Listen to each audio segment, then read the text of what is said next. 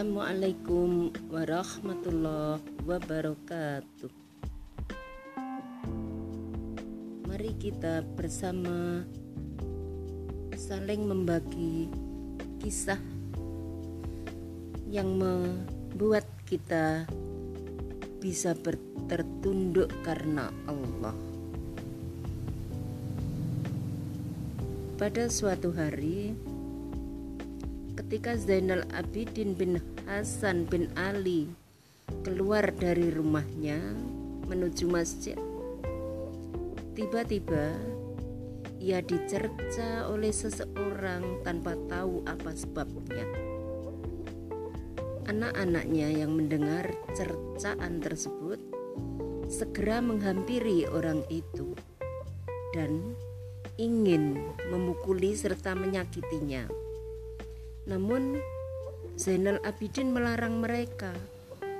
Kemudian ia berkata kepada orang itu, "Wahai saudaraku, sungguh kejelekan ada pada diriku.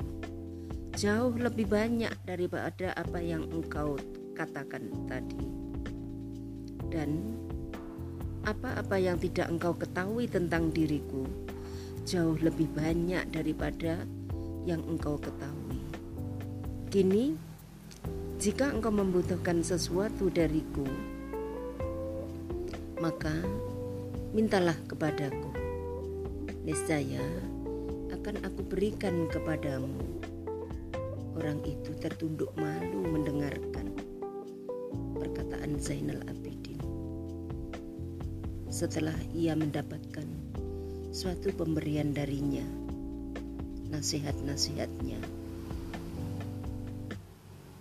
Ia pulang ke rumahnya sambil berkata, "Aku akui bahwa dia memang pantas jadi cucu Rasulullah Shallallahu Alaihi Wasallam."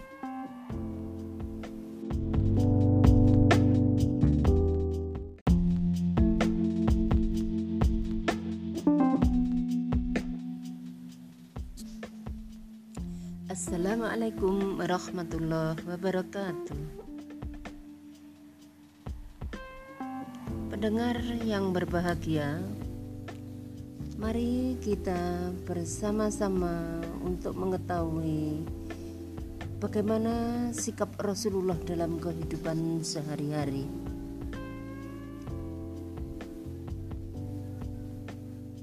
Kita mengetahui bahwa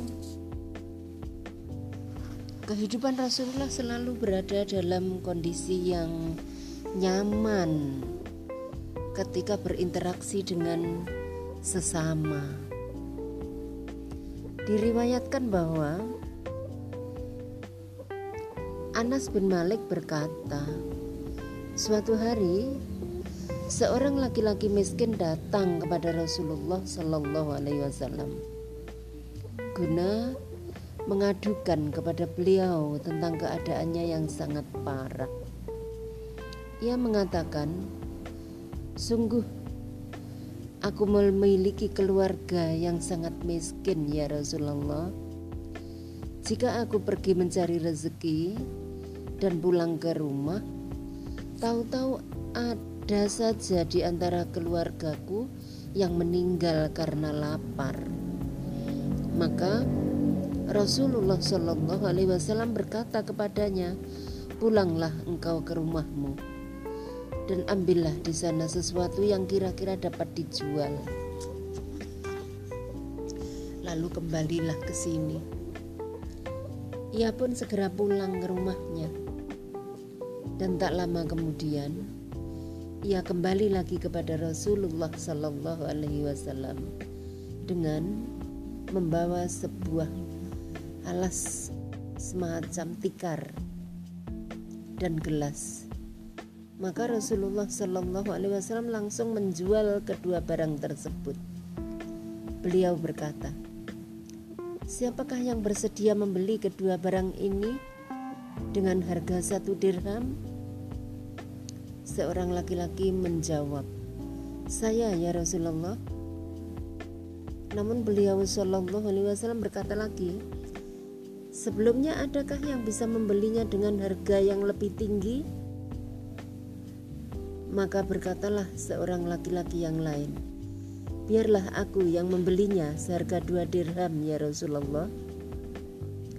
Setelah terjual dengan harga dua dirham, berkatalah Nabi Shallallahu Alaihi Wasallam kepada ambillah dua dirham ini dan belikanlah satu dirham untuk gelas dan satu dirhamnya lagi untuk laki-laki itu pun melaksanakan anjuran Rasulullah Shallallahu Alaihi Wasallam tersebut. Beberapa hari kemudian ia datang lagi kepada Rasulullah Shallallahu Alaihi Wasallam bahwa persediaan makanan buat keluarganya telah hampir habis. Maka Rasulullah Shallallahu Alaihi Wasallam berkata kepadanya, pergilah engkau ke hutan mencari kayu bakar. Kemudian jualah kayu bakar itu ke pasar ia pun melaksanakan lagi anjuran Rasulullah Shallallahu Alaihi Wasallam tersebut. Dan ternyata ia berhasil mendapatkan 10 dirham dari usahanya itu. Ia berkata kepada Rasulullah, "Sungguh sebanyak 10 dirham ya Rasulullah."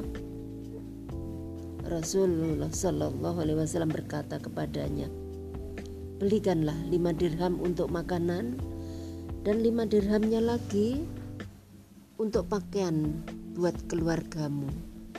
Ia berkata, Ya Rasulullah, sungguh Allah telah memberkati apa-apa yang engkau perintahkan kepadaku. Beliau Shallallahu Alaihi Wasallam menjawab, itu lebih baik bagimu ketimbang engkau meminta-minta.